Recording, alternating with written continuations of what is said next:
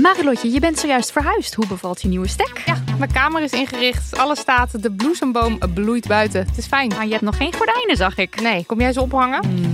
Maar het ding is dus, desondanks alles slaap ik als een koningin dankzij mijn matras van Emma Sleep. Een prinses zonder ert ben jij. Al leg je een ert onder mijn matras, ik denk niet dat ik er last van heb, want het is een hemelsding. En dan heb ik ook nog mijn Emma Diamond Pillow. Jouw slaapkamer is een slaapparadijs. Wil jij dat nou ook? Ga naar emma-sleep.nl en daar vind je moederdag sale met kortingen die oplopen tot wel 50%. En met de code DAMNMONEY aan elkaar eh, komt daar nog eens 10% extra korting bovenop. Van het koude Nova Zembla naar het warme Suriname en van Rembrandt naar Judith Leister. Ik ben Hubert Totan en in de podcast In het Rijksmuseum praat ik met specialisten over de verhalen achter mijn favoriete kunstwerken. Nieuwsgierig? Beluister nu de nieuwe afleveringen. Dag over verhitte luisterkindertjes. Welkom bij Damn Honey.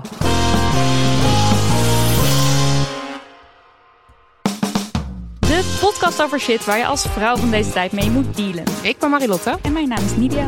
en je luistert naar aflevering 98 deel A. Het is wat het is, het is wat het is. Vandaag hebben we het met auteur en muzikant Aafke Romein over depressief zijn. Eh, haar album Godzilla gaat over depressie en ze schreef er een boek over genaamd Ga gewoon wat leuks doen. Wat natuurlijk de oplossing is voor alles in het leven. Iedereen. Ja, toch? Absoluut. Welkom Aafke. Dankjewel. Eh, ja, nou ja, we duiken straks dus dat onderwerp in. Maar we beginnen zoals altijd eerst eventjes met onze feministers. Want ook deze week hebben wij gefemimist. Nidia, hoe ben jij de feminist ingegaan? Nou, ik zag net een post op Instagram van iemand eh, die reclame maakt voor een of ander flitsbezorgmerk. En dat was ehm, gelinkt aan het is weer this time of the month. Oh ja, die heb ik ook gezien. Eén, het stoorde me enorm dat het woord menstruatie of ongesteld niet viel. Eh, maar twee, ik krijg dan dus toch ook de kriebels van zo'n foto met... eh, ik weet eigenlijk niet, ik heb niet eens goed gekeken, maar weet ik veel, zakken chips, pyjama aan. Maskertje op? Of, eh, Ja, was dat ook? Ja, ik weet niet. Het was een soort dat clichébeeld van, nou, als ik ongesteld ben, dan ben ik soort overgeleverd aan de Ben Jerry goden van deze wereld. Dan ga ik chips zitten vreten. Ik kan, ik, da, dat gaat allerlei processen in mij gaan in de weerstand. Terwijl je ook gewoon zou kunnen denken, nou, als je ongesteld bent en je wil chips eten en in je pyjama zitten, be my guest. Ik denk dat het voor veel mensen die ongesteld zijn worden ook nog wel de realiteit is. Maar dat is ik kan me misschien daar ook juist mijn frustratie, dat stereotype beeld wat we ervan hebben. Ja, Is het niet gewoon heel irritant dat er meteen op gecapitaliseerd wordt, terwijl het Nou, eigenlijk nou ja, Dat dat, ook. Ja, ons leed is en laat het gewoon lekker bij ons en niet eh, op jouw bankrekening? ja, ja, ja, het was dus wel een, ja, het was een influencer die zelf Ja, Oh ja, kiest oh ja, om nee, zeg maar dat deze is- vorm te kiezen. dus zij Dat casht. minder erg, ja. Maar En ja, ik snap het ook wel, want als je dus die cravings hebt, dan is natuurlijk flitsbezorging Is daarvoor. fantastisch. Precies. als je zwanger bent, ik noem maar een zijstraat. Nou ja, hier, eh, luister, als je luistert, influencer, dan hier nog meer ideeën. Ja. Ja, nou dat. Dus Marilot. Ja, eh, eh, ik, ik moest even denken, eerlijk gezegd. Maar ik heb uiteraard weer wat gevonden, want ik ga de hele tijd de fout in. Ehm, ik nou, ben nu een tijdje feminist. En ik heb, zit nu een tijdje in een eh, relatie, monogame relatie. Dus je zou denken dat zeg maar, die combinatie wel maakt dat ik me, eh, als, we, als we seks hebben, dat ik me niet meer druk maak over haar in dit geval. Oh ja. En ehm, nu is het zo met beenhaar en okselhaar, daar denk ik niet eens meer over na. Ehm, maar ik realiseerde me gisteren, toen ik weer eens onder de douche mijn vulvahaar stond te scheren, dat ik altijd, elke keer als we seks hebben, zoek naar een momentje waarop ik dat nog kan doen. Altijd. Gewoon, ik, ik, nou ja, het is niet zo dat ik weiger om met een soort ongetrimd, ongetrimd vulvahaar seks te hebben, maar dan is het alternatief dat ik altijd even vraag, vind je het erg? Aan Cato. Of ik ongeschoren daar lig. Nou, ik vind het een goeie. Ja, ik vind het toch mooi maar weer gevonden, deze feminister, ondanks je nood aan. Ja, maar feminist. het was wel, ik vond het, ja, dan sta ik dus, ik ga altijd even douchen voor de seks, want dan voel ik me prettiger. En dan sta ik dus altijd weer, te- terwijl ik daar dan helemaal geen zin in heb. Sta ik altijd weer te, Ja, ik heb Hannes. laatst ook weer mijn oksels zitten scheren. Terwijl ik dacht, waarom... Het was daarna Hoezo? ook weer verschrikkelijk. Want dan is het keihard en heel onprettig. En dat was dan toch van, het is heet. En dan heb ik eh, eh, topjes zonder eh, mouwen aan. En dan wil ik toch niet dat mensen dat zien. ja, Ja. jammer. Toch jammer. Toch jammer. Het is wat het is. En Aafke. Ja, jezus man, ik moest echt kiezen. Ik had zo'n lijst. Oh, wat heerlijk voor je. Fantastisch. Je mag Ja. ook meer erin gooien hoor. Nou, Ik helemaal- moet zeg maar sturen naar ons, zodat Ja, wij ja, die ja. de volgende keer kunnen gebruiken. Ehm, want mijn, ma- mijn man zegt ook altijd van ja, eigenlijk ben jij de vent in deze relatie. En ik gedraag me ook gewoon heel vaak als een cis, hetero, witte eh, boomer. Dat is, ik weet niet waarom, maar dat is een beetje. En mijn man zegt ook altijd: je mag heel blij zijn dat je geen vent bent, want dan was je echt al lang gecanceld. Maar ik bedenk nu, nu jij dit vertelt over, eh over vulva-haar, dat ik meteen denk: ja, ik heb dus vorig jaar zo'n laserapparaat gekocht, omdat ik er helemaal mee klaar was eh, om zeg maar de binnenkant van mijn benen te doen. Want ik scheer nooit mijn, zeg maar, mijn vulva-haar in het, in het middelste deel, maar wel zeg maar wat onder je bikinibroekje uitkomt. Ja. En dat is eigenlijk het enige haar waar ik echt onzeker over ben. Zo van als ik dan in Italië op het strand lig, dan vind ik het toch net iets relaxter dat als je zo'n heel hoog uitgesneden bikinibroekje aan hebt, dat het dan wel een soort van niet, Plat. Ja. niet zeg maar in bossen eronder uitkomt. En op een gegeven moment dacht ik, ik koop gewoon zo'n fucking Dat is zo'n IPL-ding of zo. dan. Heel duur. Ik heb laatst nog gegoogeld. duur. Erg. Bizar. Maar ik had hem wel, zeg maar, ik wist meteen, ik ging hem ook ging hem delen met mijn zusjes Oh ja. en met een vriendin en zo. Want, maar ik heb dus van de week weer dat zo staan. Sta je echt zo in een hele rare houding, zo boven in de spiegel. Sta je zo met zo'n heel groot apparaat, zo je, nou ja, je poes helemaal te laseren. En als je daaraan denkt, denk je, ja, ja, het is eigenlijk een best wel rare bezigheid. Ja, wat ben je nou helemaal aan Wat het de doen? fuck ben je nou precies met aan het doen? Maar dat zo heb ik- raar. Dat heb ik ook met dat mesje hoor. Want dan sta Ja, je weer is- zo helemaal krom. Ja. En dan denk ik, ja, ik moet ook wel zo ver mogelijk naar achter. te, en sta je zo. weer te harken met iets Ja. scherps. I know. Gewoon, ja, goed. Het, is- het voelt inderdaad bizar. En dan geef je er ook nog eens heel veel geld aan uit. Je er ook jouw nog geld aan uit? Ja, nou goed. Dus- tijd. maar ehm, wat ik eigenlijk had willen vertellen is... ehm, nou, we zijn net op vakantie geweest naar Italië... wat sowieso best wel een machismo-land is. Daar kwam ik weer achter. Ehm, behalve dan dat mannen daar echt en masse hun borstkassen ontharen... viel mij op dit jaar. Oh, dus daar is dat dan alweer Ja. doorgedrongen bij de mannen. ja, ook. maar echt allemaal. Het was Ah. echt bizar. Sommigen hadden dan wel rughaar, maar geen borsthaar. Oh. En heeft jouw man borst of rughaar? Hij heeft borsthaar, ja. En voelde die daar, voelde die daar wat bij? Ja, het, ehm, ehm, nee, maar hij is iemand die sowieso niet super comfortabel is met zijn t-shirt uit. oh ja. Hij vindt het gewoon helemaal niet zo chill. Ja. Eh, maar hij schaamt zich verder niet tegenover anderen, geloof ik. Maar ik merkte wel dat ik in Italië, eh, zeker in de auto, nog meer een vent werd. Dus ik kan echt, ehm, als ik iemand heel slecht zie rijden en het is een bepaald type auto, dan zeg ik gewoon meteen van, oh, er zal weer zo'n wijf in zitten. Weet je wel, het zijn zulke domme dingen dat je echt denkt van, Jij channelt je inner Heel erg. het Ja. Ja. Inner Het is- ja. seksist. Dus ik moet altijd zeg maar. eh, ik moet mezelf altijd, altijd wel heel erg corrigeren in bepaalde situaties dat mijn feminisme of een poging daartoe niet doorslaat naar een soort van blinde vrouwenhaat of zo. Een soort van dat ik echt een soort hetero man word, zeg maar, dat is een soort van mega tegenreactie. En ben je er altijd bewust van dat je het doet? Ja. En dat wel. Nou ja, nou, Op één, hè? nou dat wil ze. Nou, dat is niet helemaal. Ik word, eh, de, ik word vaak door mijn man gecorrigeerd, die eigenlijk veel feministischer is dan ik van nature. Ehm, Ook prettig voor jullie kind. Wordt het toch nog een beetje... Uitgebalanceerd. ja, nou, ik, ben zo, ik ben wel, zeg maar, ik, ik kom van heel ver. Ik denk dat dat wel goed is. Ik ben best wel activistisch ingesteld, maar ik kom van, zeg maar, tien jaar geleden was ik one of the guys. Feministen zijn zeikers. Ja, ja, ja. Eh, je moet gewoon eh, beter je best doen, et cetera. Dus Dat was mijn. eh, dat was mijn startpositie en nu zit ik wel heel erg aan de andere kant. Maar er zijn zo'n paar plekjes in mijn leven, zoals in de auto achter het stuur, waar ik meteen weer helemaal daar zit. Ja.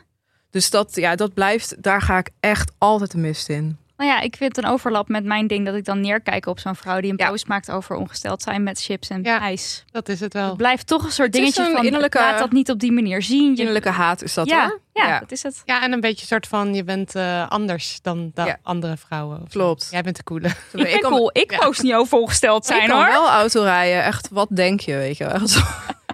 Tijd voor post. Post. Post. Tijd voor post. Dit is de post. Let op. Lieve meiden, ik heb onlangs jullie podcast ontdekt en wat een verademing. In het dagelijks leven kan ik weinig met mensen praten over de onderwerpen die jullie behandelen en het voelt alsof ik in jullie nieuwe vriendinnen heb gemaakt. Lief. Zo chill. En nu mijn vraag. Ik ben al een paar jaar samen met een lieve man, maar er is één punt waar we eens in de zoveel tijd over van mening verschillen. Wij kijken graag samen naar actie- actiefilms en dan gebeurt het regelmatig dat de toch vaak mannelijke hoofdpersoon zich als aantrekkelijk profileert door zonder shirt en met gespierd bovenlijf allerlei stoere capriolen uit te halen. Nu ben ik zelf niet iemand die daar erg van onder de indruk is, maar op social media zie je toch veelal vrouwen die hier erg van gecharmeerd zijn. Denk bijvoorbeeld vrij recent aan de blote billen van Thor. Smiley face. Mijn lieve man ergert zich hier mateloos aan. Want, zegt hij, als een man een vrouw ziet als lustobject, wordt hij genadeloos afgemaakt en gezien als smeerlap. En omgekeerd mag een vrouw ongestraft wel een man, wel een man zien op die manier. Dus dat is hypocriet. Ik vind het zelf zwaar overtrokken en van mij mag hij een vrouw in een film best aantrekkelijk vinden. Ik vind zo vaak mensen, man of vrouw, aantrekkelijk en ik zie dit niet als een probleem. Wat wel een probleem is geworden, is dat ik hierdoor mezelf heel erg ben gaan inhouden. En als ik iemand er sexy uit vind zien, dat, dan verberg ik dat voor hem. eh, omdat het voor, voor hem blijkbaar wel een big deal is. Daardoor voelt het alsof ik niet 100% mezelf kan zijn. En het wordt nu een veel groter ding dan dat het eigenlijk zou moeten zijn. Ik merk dat dit ook begint door te sijpelen in andere onderwerpen. En ik me niet positief uitspreek over onderwerpen waar ik, weet dat hij, waar ik van weet dat hij er anders over denkt. Wat vinden jullie? Heel veel liefs, Linda. Ja, ik denk dat het eigenlijk twee. Ik, heb, ik vat hem zelf even op als twee losse onderwerpen. Namelijk eerst even dat objectificeren of eh Ja, eigenlijk een soort omgekeerd reverse seksisme of zo. Ja. Ja. En dan daarna kunnen we het even hebben over eh, wat je jezelf inhouden bij je, in je relatie. Relatie. Ja. Oké. Nou, wat vind je? Je hebt van alles opgeschreven. Nou, ik denk dat dat heel eh, die stap snel gemaakt is van oh ja, omgekeerd. Oh ja, dat kan niet. Want de vrouwen, eh, als, de, als het bij vrouwen gebeurt, is het niet oké. dus is het bij ons ook niet oké. En ik heb zelf ook wel eens gehad. Dan luisterde ik naar een podcast of zo. En dan zei iemand van ja, maar als. eh, en dat je dan toch heel even daarin meegaat in die gedachte van omgekeerd is het net zo erg. Ja, maar het, is, het is een hele logische gedachte om dat te denken. Dat is het. Ja. Maar je gaat eraan voorbij dat eh, de ene groep, in dit geval heb ik het al even over vrouwen, maar je kan ook reversed eh, racisme, is precies hetzelfde Ja. verhaal. Eh, die heeft stelselmatig te maken met onderdrukking, buitensluiting, niet serieus genomen worden, seksueel geweld, Ja. noem het maar op. En dat is dus niet zozeer een keer iemand die iets zegt over één vrouw. Het gaat niet over een individu, maar het gaat erover dat het structureel onderdeel is van onze nou ja, maatschappij, van hoe we dingen hebben ingericht. Dus wie zit er op machtsposities? Wie eh, eh, heeft er iets te zeggen? Eh, hoe worden vrouwen geportretteerd, geportretteerd? Dus eigenlijk in alles wat tot ons komt, zit dat seksisme, zit die laag er. Dus als je dan zegt, ja, maar als het bij mannen gebeurt, is het net zo erg. En het is hypocriet als je dan dat wel oké vindt. Dat klopt niet helemaal, vind ik. Al vind ik wel. ehm, een man zal wellicht niet sneller te maken hebben met seksueel geweld. Doordat Thor met zijn blote billen te zien is en vrouwen er allerlei dingen over zeggen. Ik weet ook vrij zeker dat deze acteur niet minder serieus genomen wordt omdat hij met zijn Precies. blote Nee, billen op, juist eh, Precies. Nee. Dus al die dingen, dat, Ja. ja. precies, dat zal allemaal niet gebeuren. Maar wat je natuurlijk wel hebt, hoe meer we ook dit soort beelden van mannen gaan zien, een soort van perfecte plaatje van de man, wat we al heel lang van vrouwen zien, de perfecte vrouw, gladgeschoren, noem het allemaal maar op. Eh, dat gaat natuurlijk wel invloed hebben op mannen en hoe zij over zichzelf denken en hoe zij Mhm. denken zich te moeten portretteren. En dat lijkt mij niet een positieve ontwikkeling. Nee, want dan heb je dan als, als de, bij de mannen zijn er dan ook weer allemaal, allemaal dingen die hen opgelegd worden waar, waarvan ze het gevoel hebben dat ze daaraan Precies. moeten voldoen. En dan dat- is dit geval dan gespierd, afgetraind. ja, Ja, maar dat, ja, precies. Porno doet het natuurlijk al een halve eeuw ongeveer. Dus ja, Dus dat inderdaad. Maar ik denk gewoon dat. eh, Ja, en inderdaad, het is net als met omgekeerd racisme. Het gaat, het gaat meer over eh, de gevolgen voor een hele grote groep. Zeg maar hoe er dus over. eh, nou, in dit geval dan vrouwen. Hoe er over vrouwen gedacht wordt. ehm, en waar ze last van hebben. En bij omgekeerd racisme. Dat bestaat ook niet eigenlijk. Omdat ja, misschien is het wel zo dat eh, een zwart iemand of iemand van kleur iets zegt over een wit iemand. Maar dat betekent niet dat, dat, dat die witte persoon, weet ik veel, geen baan kan krijgen omdat je geen typisch oer-Hollandse naam hebt of zo. Precies. Of dat je te anders. maken hebt met etnisch profileren of zo. Ja, het is natuurlijk wel zo als je de context, zeg maar, het is heel erg contextgebonden inderdaad. Maar als je die context loslaat en je gaat inderdaad kijken naar binnen een relatie, dan zou het natuurlijk wel heel gek zijn dat een van de twee wel mag uit, uit, uiten, zeg maar, dat, dat die, diegene iemand sexy vindt en dat Mhm. het voor de ander dan niet oké zou zijn. Dat is natuurlijk wel, ja, Ja, als je gewoon puur, puur even binnen een relatie Ja. kijkt. Maar ik vind ook die uitspraak van eh, mannen die worden meteen eh, genadeloos afgemaakt of uitgemaakt voor smeerlap. Toen dacht ik, nou, Is dat echt zo? Ja, er zijn In hoeverre is het? was maar het niet gewoon een soort van, dit is niet eerlijk. Ik mag dit niet zeggen. Ik heb En het vrouwen gevoel mogen dat het ik... wel zeggen, want die Ja. komen ermee weg. Ja, terwijl als je, als je kijkt naar deze relatie, zeg maar, waar je dan zegt van oké, het zou niet eerlijk zijn als de ene in de relatie het wel mag zeggen en de Mhm. ander niet. Maar wie mag hier eigenlijk niks zeggen? Ja, weer de vrouw. De, de brievenschrijver mag niks zeggen, want die heeft nu het gevoel dat ze op de tenen moet lopen. Ja. Dus, Ja. dus En waarschijnlijk zegt de man in dat geval van ja, ik zeg het ook niet. Maar dat is nog steeds zeg maar het feit dat jij besluit om eh, ergens niet over te praten, betekent nog niet dat de ander dan ook zijn mond moet nee, houden. precies. En waarom zeg je het niet? Omdat je bang Ja. bent genadeloos afgemaakt te worden? Of omdat je inderdaad vindt dat vrouwen geobjectificeerd worden en we niet alleen Mhm. vrouwen moeten behandelen als een object dat kan seksen of baren of pijpen of zeg maar eh, eh, in dienst staan van de man? Ja, is, Want- is, zijn het egoïstische bewegingen of vind je het daadwerkelijk erg? Dat schuurt bij mij. Dat, Ja. dat, daar kriebelde bij mij een beetje zo van, mm, deze ja, of zin... is het ook gewoon onzekerheid? Want dat, ik Dat dat heb ik binnen relaties wel meermaals meegemaakt. Zeg maar, ehm, ja, ik, ik val op mannen en vrouwen. En als je dan in een relatie met een hetero man zit, gebeurt het gewoon, gelukkig met mijn man niet, maar in de vorige relatie wel. Eh, heb ik wel eens gehad binnen een relatie dat de man dan zei van ja, ik vind het niet erg als je over een vrouw zegt dat ze sexy is, Oh, ja. maar niet over een man, want daar word ik onzeker van. Ja. Want ik zie er nooit zo uit zoals die man. Ja, ik kan de- dat vind ik ook heel lastig. Dat is altijd denken, oh man, ja, weet je, want voor mij is, het vers- is er geen verschil, zeg Nee. maar. Dus ik vind dat altijd een soort van heel raar onderscheid wat dan gemaakt wordt. Zo van, oh ja, het mag wel Ja, neem je dan, dan relaties met vrouwen minder, minder serieus. serieus? Exact, ja. nee, Maar dat is dus ook net als dat ik het ook wel eens heb meegemaakt en dat ik toevallig weer een hele discussie over gevoerd deze week met iemand. eh, dat vreemdgaan met vrouwen dan dus niet telt, Ja. omdat het geen man is. Ja, Ja. daar kan ik ook helemaal niks mee. Ja, ja, dan ben je eigenlijk nog steeds aan het voldoen aan een soort van plaatje van wat sexy is in de ogen van een man. In plaats van dat hij je serieus neemt omdat je een andere sekspartner hebt. Ja. Ja, ik weet niet. Anyway. Ik moest trouwens bij deze brief ook nog even denken. Er komen op social media wel eens van die clips langs van interviews van Hollywoodsterren die dan in de grote blockbuster spelen. En vaak is dan een mannelijke en een vrouwelijke lead. En dan krijgt de mannelijke.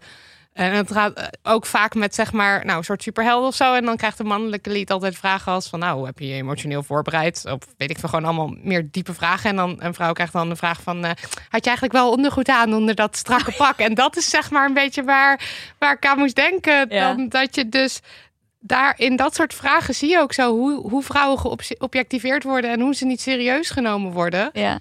En, en dat je dat dus. Ja, mannen hebben daar gewoon echt minder last van in dat, in dat opzicht. Plus, ik las dat de- Thor-acteur Chris Hemsworth. eh, dat het zijn allergrootste dream come true was om met zijn blote billen op eh, Nou, dat ook dan nog eens. Ja. Maar even, even naar het stuk van ja, de relatie. dat ze schrijven van wat wel een probleem is voor is dat ik hier door mezelf ben gaan inhouden. En ik merk dat het begint door te sijpelen in andere onderwerpen. Want dat lijkt me toch echt niet fijn in een relatie. Nee. Dat je jezelf gaat lopen. nee, en ook niet gelijkwaardig meer of zo. Als, Nee, je, het toch? zo, als je zo op je tenen moet lopen. Maar ja, dat, Wat doet de mens? ja. Hebben jullie wijze woorden? Nou, het is natuurlijk wel. Ik denk dat het wel een van de lastigste onderwerpen is binnen een relatie om echt eerlijk over te zijn. Namelijk dat je andere mensen aantrekkelijk vindt. Als je tenminste niet binnen elke relatie, maar vaak is het wel iets wat een ander onzeker maakt. Dus in die zin is het sowieso. eh, ik denk iets om het gewoon even los van deze van een specifieke actrice of acteur gewoon over te hebben van goh. ehm, hoe- hebben we het daarover of niet? Mhm. Eh, en hoe dan? Of ehm, ja, ik weet niet. Dat vind ik in ieder geval wel altijd heel belangrijk. Dat je daar een soort van. Ik vind het heel fijn om wel te kunnen zeggen, zeg maar, als ik iemand mooi vind of zo. Van wow, dat is echt een vet mooi persoon. Ja. En dat je dat inderdaad tegen je En partner dat je dat kunt tegen je partner zeggen. kunt zeggen, dat je daar samen ook over hebt, weet je wel. Ehm, en dat je daarover van mening kan verschillen of juist niet. Of ja, ik, ik vind dat soort gesprekken gewoon heel waardevol op een bepaalde manier. Omdat het gewoon, eh, je deelt met, met elkaar hoe je naar de wereld kijkt. En Ja. daar hoort seks gewoon bij. Ja, Dus je kan niet naar andere mensen kijken zonder daarover na. daarover na Ja, te denken. Of, ja, dus ehm, ik zou dat heel moeilijk vinden om daar helemaal over te zwijgen. Of, eh, Nou, ik vind het wel goed wat je zegt van praat erover dat je er niet over praat. precies, ja. Ja. En dan kan je vervolgens misschien erop uitkomen van nee, we, we praten er niet over. Weet je, een soort van dat Ja. het uitgesproken is dat je er niet over gaat hebben. Ja. En als je er allebei oké mee bent, dan fijn. maar, Maar nu voelt het het nou alsof er... zo dat, want, want, want hij ergert zich mateloos aan vrouwen die dan mannen objectiveren eh, op social media ook, toch? Want je kan, het is natuurlijk één ding als je gewoon met elkaar onderling individueel een gesprek voert over wie je wel of Mhm. niet aantrekkelijk vindt. En iets anders wanneer je Daarover te posten. ja, de blote billen van Thor online zet en zegt, oh my god, echt hot. Dat is weer, ik snap ook wel weer dat dat, dat dan weer anders ligt. Ja, maar ik zie Ook het al wel. zou ik ik zelf graag dat wel willen kunnen gewoon doen. Ja. Ik zie dit soort processen, zeg maar emancipatieprocessen, toch ook altijd een beetje als een schommel die gewoon twee kanten op gaat. Het is heel lang zo geweest dat vooral vrouwen geobjectiveerd werden. En zeg maar in de strijd om gelijkwaardigheid gaat die schommel ook gewoon de andere kant op. En moeten vrouwen ook de kans krijgen om, al is het maar heel even, ook die mannen op dezelfde manier te objectiveren. Om een soort van daarna weer naar een balans te kunnen gaan, vind ik. Maar Ja, ide idealiter. Iedereen, idealiter wordt niet- iedereen de hele tijd geobjectiveerd. Ja, ja, dat is precies. eigenlijk de Ja, boodschap dat- van. Ja. Nee, zodat je dat uiteindelijk niet hoeft te doen of zo. Maar ik denk wel, als je als vrouw zeg maar ruimte terug wil nemen, dan doe je dat heel vaak door zeg maar die extra ruimte die je niet hebt gehad ook even beet te pakken, weet je wel, en even te voelen van Ja. hoe dat is. Dat is en, en dat op zich is dan misschien niet heel aardig voor die mannen, maar is wel een waardevolle ervaring in een emancipatieproces, denk ik. Hm. Ja, vind ik ook wel weer wat in zitten Ja. eigenlijk. Maar Nou, goed. Iets om over na te denken. Ik hoop in ieder geval dat, eh, dat je het gesprek kunt openen. Ja, nou, ik hoop vooral e- even los van dat hele aantrekking ding, hoop ik gewoon dat je in je relatie je, jezelf mag zijn en niet jezelf hoeft te. Censureren. Ja, want dat is toch Mhm. ongelijkwaardig. Ja. Dat wou ik nog even zeggen. Mooi gezegd. Ik word mooi zo half gefrustreerd, kwam er dat er nog even snel uit. Even aandacht voor onze sponsor, Snugs. Snacks maakt period underwear. Yes, ook wel menstruatieondergoed genoemd. En dat zijn doodgewoon ogende onderbroeken met de superkracht dat ze je menstruatiebloed absorberen. Dus geen doorlekperikelen meer. Ja, en we hebben er allebei eentje opgestuurd gekregen. Mhm. Dus laat ik dit moment maar weer even aangrijpen om op te scheppen over mijn ontzettend chille menstruatie, waar ik niet naar op of om hoef te kijken. Eigenlijk sowieso al. Vreselijk. Maar neem niet weg dat als ik zo'n comfy Snugs eh, onderbroek aan heb, dat het eigenlijk nog wel chiller maakt. Want dan is het helemaal... Ja, ik heb alsof ik gewoon een normale onderbroek aan heb. Nou, laat ik dit moment dan maar eens aangrijpen om te vertellen over mijn zeer niet chille menstruatie. Hoe is dat zo? En eh, de stortvloed aan, eh, aan bloed die ik elke maand weer te verwerken heb. Maar my god, ik ben wel echt fan van Snugs. Heb meestal zo'n onderbroek nu ook bij me. Eh, zeg maar voor de De noodgevallen. emergency onderbroek. Ja, die Handig. zit nu altijd in mijn tas. Eh, nu ook, volgens mij. ja.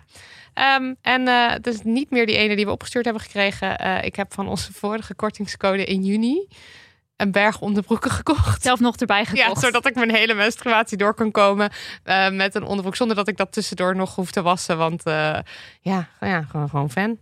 Dat is nog eens reclame, I know. mensen. En dat allemaal recht uit mijn bloedende hart. Nou, wil je dit ook proberen met korting? Net zoals Marilotte Hagen dat dus zelf ook deed. dat kan allemaal. Ga naar snux.nl en dat is S-N-U-G-G-S.nl. Eh, en gebruik de promocode DAMHONEY aan elkaar geschreven voor 15% korting. Ja, en deze code geldt tot en met 27 augustus. Alarm, alarm. Alarm! Tot en met 27 augustus. Snux.nl en de link zetten we uiteraard, zo zijn wij, ook even in de show notes.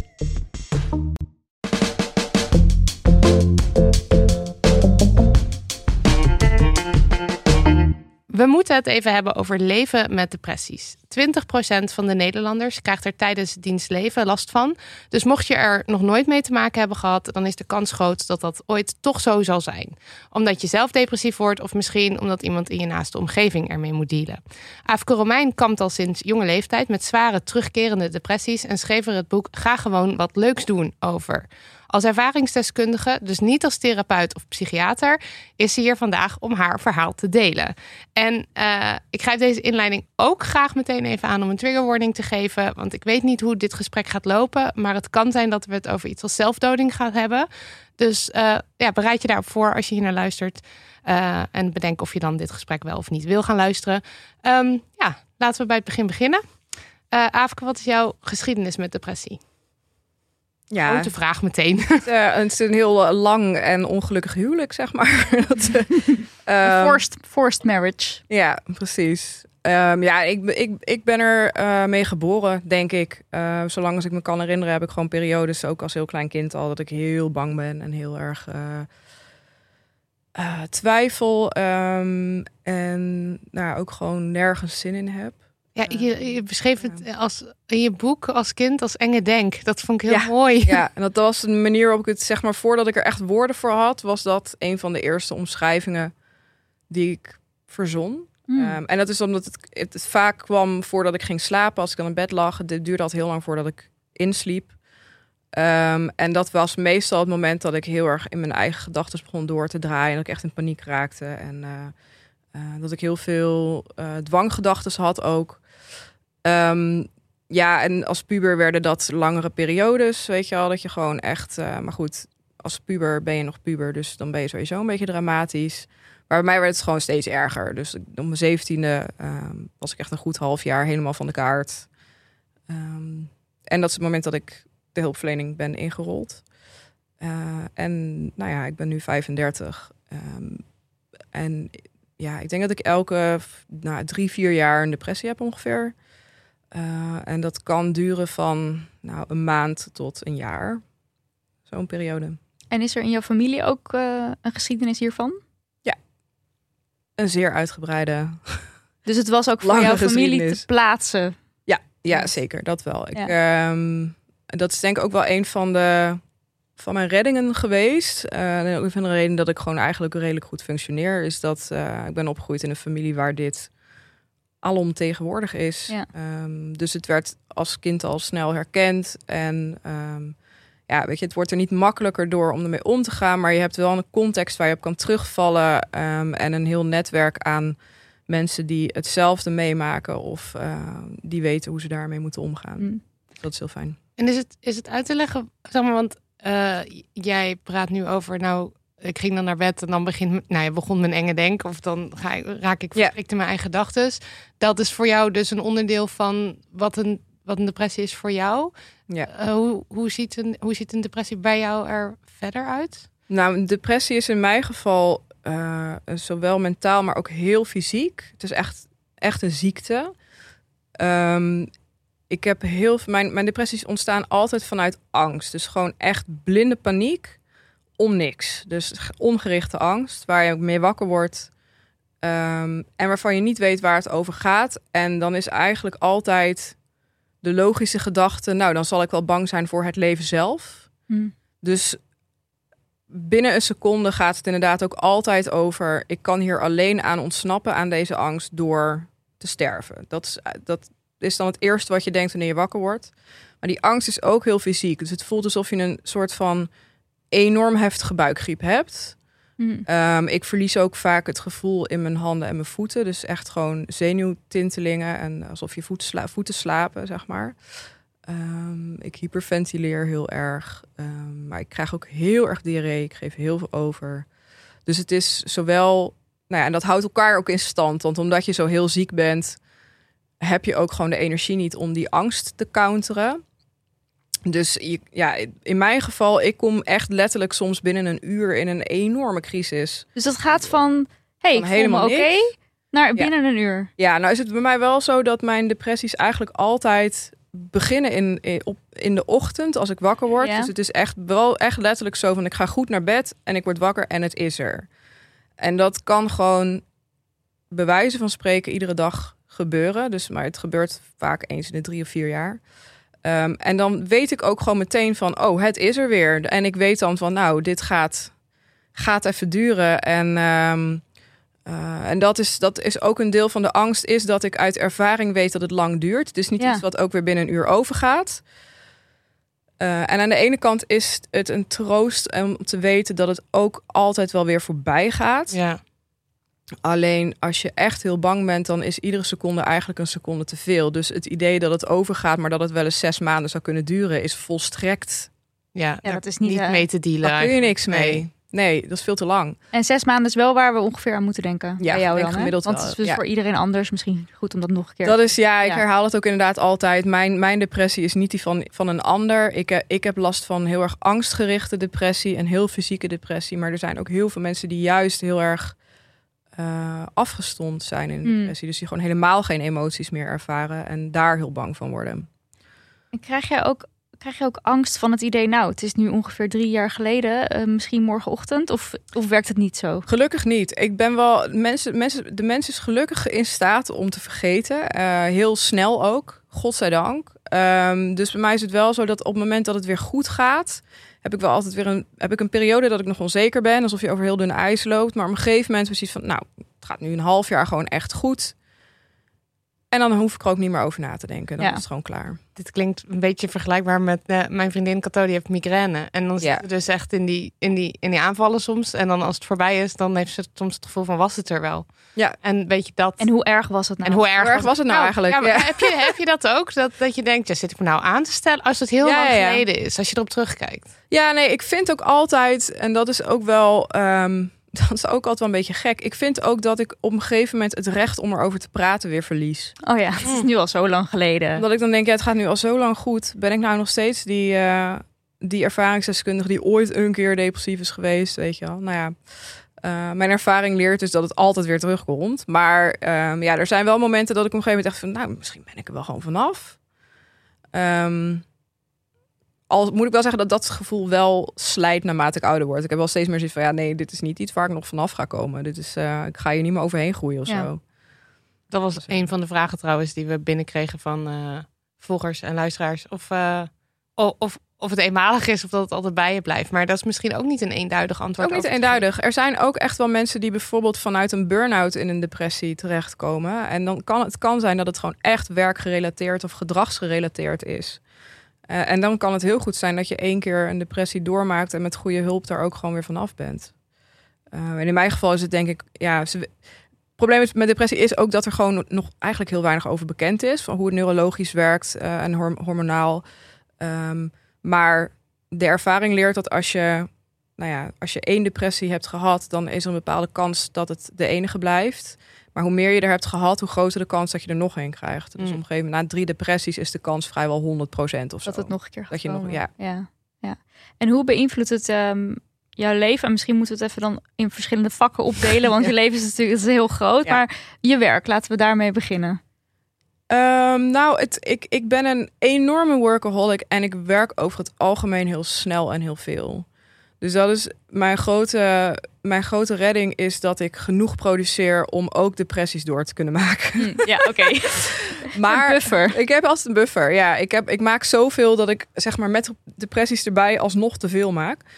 Ehm, maar kunst. ik zeg er wel meteen bij dat ik nooit gefunctioneerd heb in loondienst. Dus ik heb ook wel banen gehad gewoon in loondienst.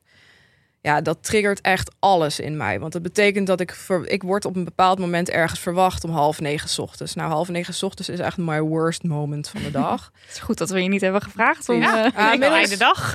Inmiddels gaat het wel een stuk beter, maar ik heb bijvoorbeeld zes jaar voor de klas gestaan en dan moet je om kwart over acht beginnen.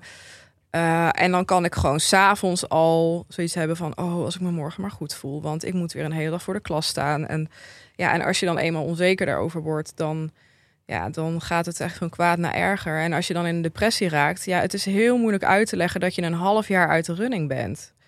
Ehm, dan krijg je arboartsen op je dak. Ehm, en natuurlijk zien die allemaal dat je heel depressief bent. Maar die gaan zich ook bemoeien met hoe jouw int- ja, reïntegratietraject. moet snel Ja. weer beter worden. En Ja. hoe minder mensen zich bemoeien met je reïntegratietraject, hoe beter. Je wil Hm. gewoon één hulpverlener met wie je dat vormgeeft. En eventueel binnen je relatie en je gezin natuurlijk. Maar je wil niet dat je fucking werkgever daar ook nog eens een keer op zit te kijken. Dat maakt je alleen maar heel erg gestrest en onzeker. En eh, dus dat is wel. Ik, ik heb wel echt al vrij snel wel doorgehad van ja, ik ga nooit voor een baas kunnen werken binnen een bepaalde tijdscontext. Dat gaat niet. Want ik moet gewoon, zeg maar, het idee dat ik zelf vrij kan nemen, is voor mij al de helft van de, de, de rust die ik nodig heb om niet veel vaker depressief te worden, zeg Hmm. maar. Ehm, en ik denk dat ik ook een hoop depressies voor, voorkom door gewoon af en toe een week vrij te nemen, eh, zomaar. Dat ik denk van, nou, ik heb best wel veel stress, ik heb veel deadlines. Ik ga die even afwerken, maar dan ga ik daarna ook echt een week helemaal niks doen. Ehm, ja, en ik denk dat ik dus binnen de context van ZZP'er zijn, kan ik mijn hele kan ik mijn werk zo vormgeven dat ik met zo min mogelijk depressies te maken krijg. Uh, maar ja, het komt dus wel eens voor dat ik, um, dat ik, dat ik uitval. En ik heb gelukkig een, een management dat dat dan opvangt. En dat gewoon meteen opspringt en iedereen gaat bellen en gaat zeggen: Oké, komende drie maanden doen we helemaal niks. Geen iedereen opdracht. aanbellen, Ja, niks. En dan, zij gaan dat dan regelen. Ik hoef het niet te doen. Ehm, ja, dat is een on- ontzettende luxe natuurlijk. Ja, want ik kan me voorstellen dat, nou ja, uit 20% van de mensen heeft te maken met een depressie. En niet iedereen zit natuurlijk in zo'n luxe positie. Nee, Dat, d- ja, dat, dat je zoveel vrijheid hebt. En Nee. dat ook het schema leeggeveegd kan worden op het moment dat Ja. zeg maar de alarmbellen afgaan. Ja, en, en zeg maar rustig kunnen reïntegreren is ook iets wat je echt zelf wil vormgeven. Dus ja, weet je wel, als je bijvoorbeeld toen ik les gaf. Ja, je kunt lesgeven niet rustig opstarten. Je staat gewoon voor een klas Meteen met moet je- pubers. ja. Je moet daar zijn. Je kan daar niet zeggen van, nou jongens, ik begin nu weer. Ik doe het even rustig aan. Of zo. Nee, dat gaat gewoon niet. Nee. Ehm, dus ja, maar goed. Dus ik, dus ik heb wat dat betreft heb ik gewoon heel veel geluk. En ik, ehm, ehm, ja, ik denk dat het voor mensen in loondienst echt veel heftiger is.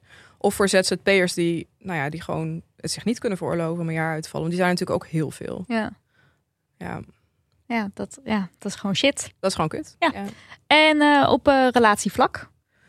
Ja, je krijgt wel. Ik denk dat ehm, als je zeg maar echt veel depressief bent eh, of echt langdurig. In mijn geval heb ik natuurlijk ook gewoon. Ik heb de meeste periodes zijn gewoon goed. Dus ehm, dat is heel fijn.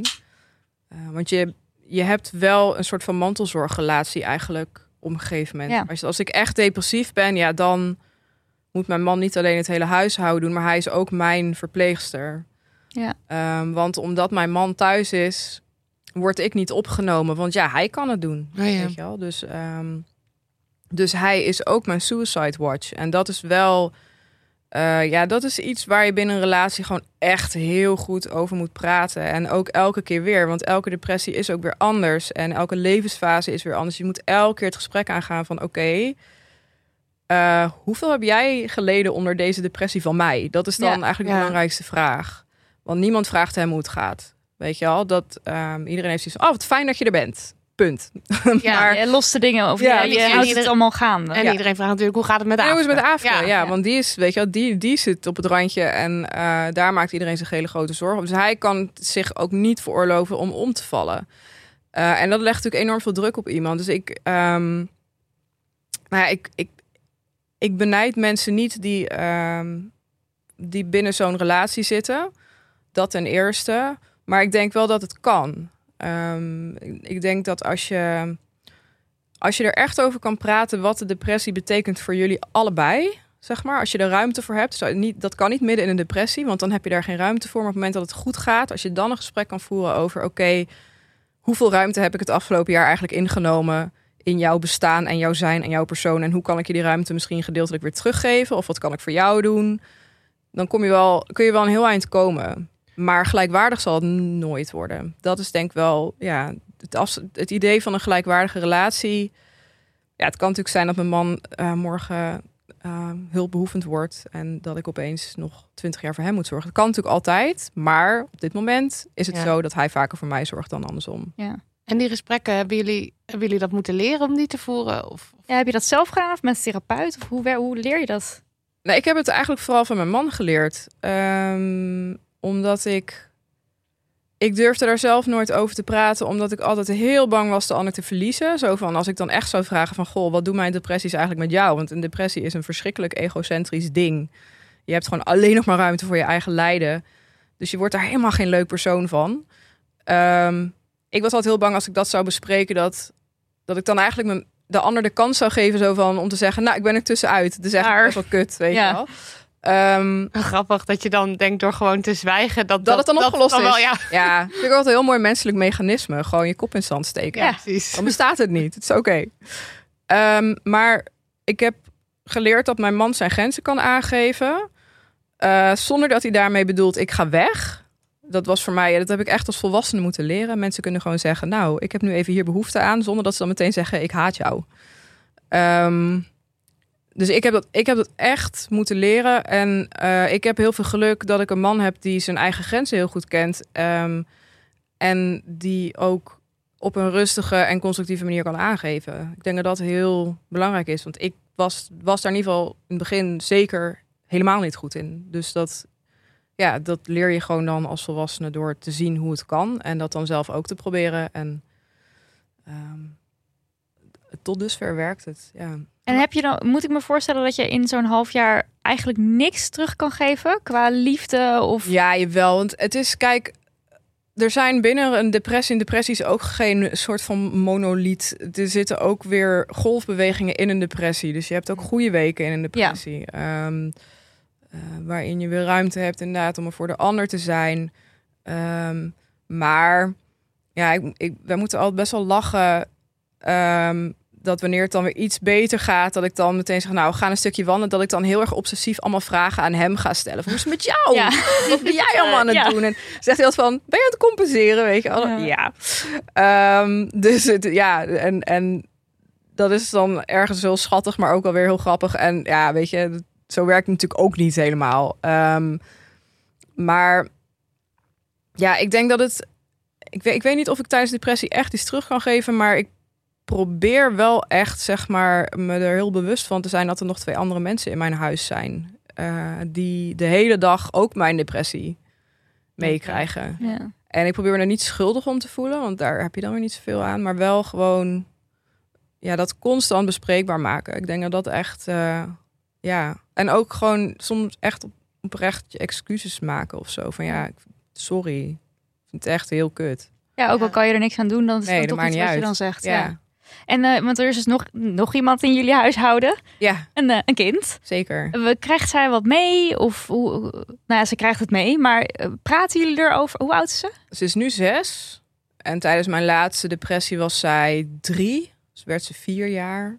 Ja, dan kun je nog niet zo heel veel uitleggen. Behalve mama voelt zich niet zo lekker en die ligt in Mhm. bed. Maar ze zal het wel meekrijgen. Ja, absoluut. Ja. nee, zeker. Maar het is wel. ehm, ik, ik, ik heb gemerkt sinds ik moeder ben dat, dat ik blijkbaar toch nog een soort van ergens een laatste grens heb in mijn gedrag. En dat is dat ik, ehm, dat ik me nooit helemaal laat gaan waar zij bij is. Dus ik heb ook in mijn blindste paniek nog steeds wel zoiets van: oh, maar wacht even. Dit is niet haar schuld. Zij hoeft hier niet Hmm. onder te lijden. Ehm, en dat is wel een hele prettige ervaring. Want dat betekent dus dat je toch nog een mechanisme hebt in al die paniek. Dat toch nog ergens een soort van muurtje bouwt. Zo van oké, tot hier en niet verder. Ehm, dus zij krijgt wel iets mee. Maar zij krijgt eh, eh, zeg maar de, de, de echt donkere momenten. Die, eh, die laat ik niet aan haar zien.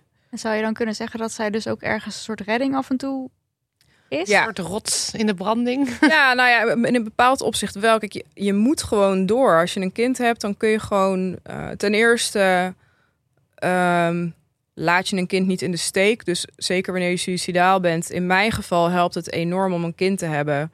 Ehm, al wil ik dat, vind ik het altijd moeilijk om het uit te spreken, omdat je dan direct ook een enorme druk op zo'n kind legt. Zo van, oh, het is jouw verantwoordelijkheid dat ik in leven blijf. En zo wil ik het absoluut niet stellen. Maar het is wel zo dat het een hele concrete, aanwezige, empathische kracht is, die er gewoon de hele dag is. En die ook vrolijk blijft, ondanks alles. Dus je hebt de hele dag iets wat constant door die depressie heen prikt. Op het moment dat je dat zelf niet kunt. En dat is wel iets wat echt heel, eh, zeker wanneer een kind klein is, wat gewoon heel erg helpend is. Een soort, je- soort sterretjes in de, in Ja, de zwarte hemel. Precies, dat is het een beetje, ja. Ja. Ehm, en het is in ieder geval in mijn geval onmogelijk om daar niet af en toe dan toch in mee te gaan in dat enthousiasme en in, ja, die, weet je wel, dat het relativeert wel. Hm. Dus dat is heel fijn. En dit is, ik, ja, ik vind het eigenlijk een beetje een heftige vraag. Maar heb je, ben je zeg maar bang dat, omdat het ook erfelijk is, dat je het zou doorgeven aan haar en dat ze er zelf Ja. mee te maken krijgt? Ehm, ja, ik, het is heel raar om te zeggen, ik kan niet echt spreken van angst. Ehm, omdat het iets is waar we echt van tevoren eigenlijk heel erg over hebben nagedacht. Van nou ja, de kans is heel groot dat onze dochter ook eh, gevoelig is voor angst en depressie.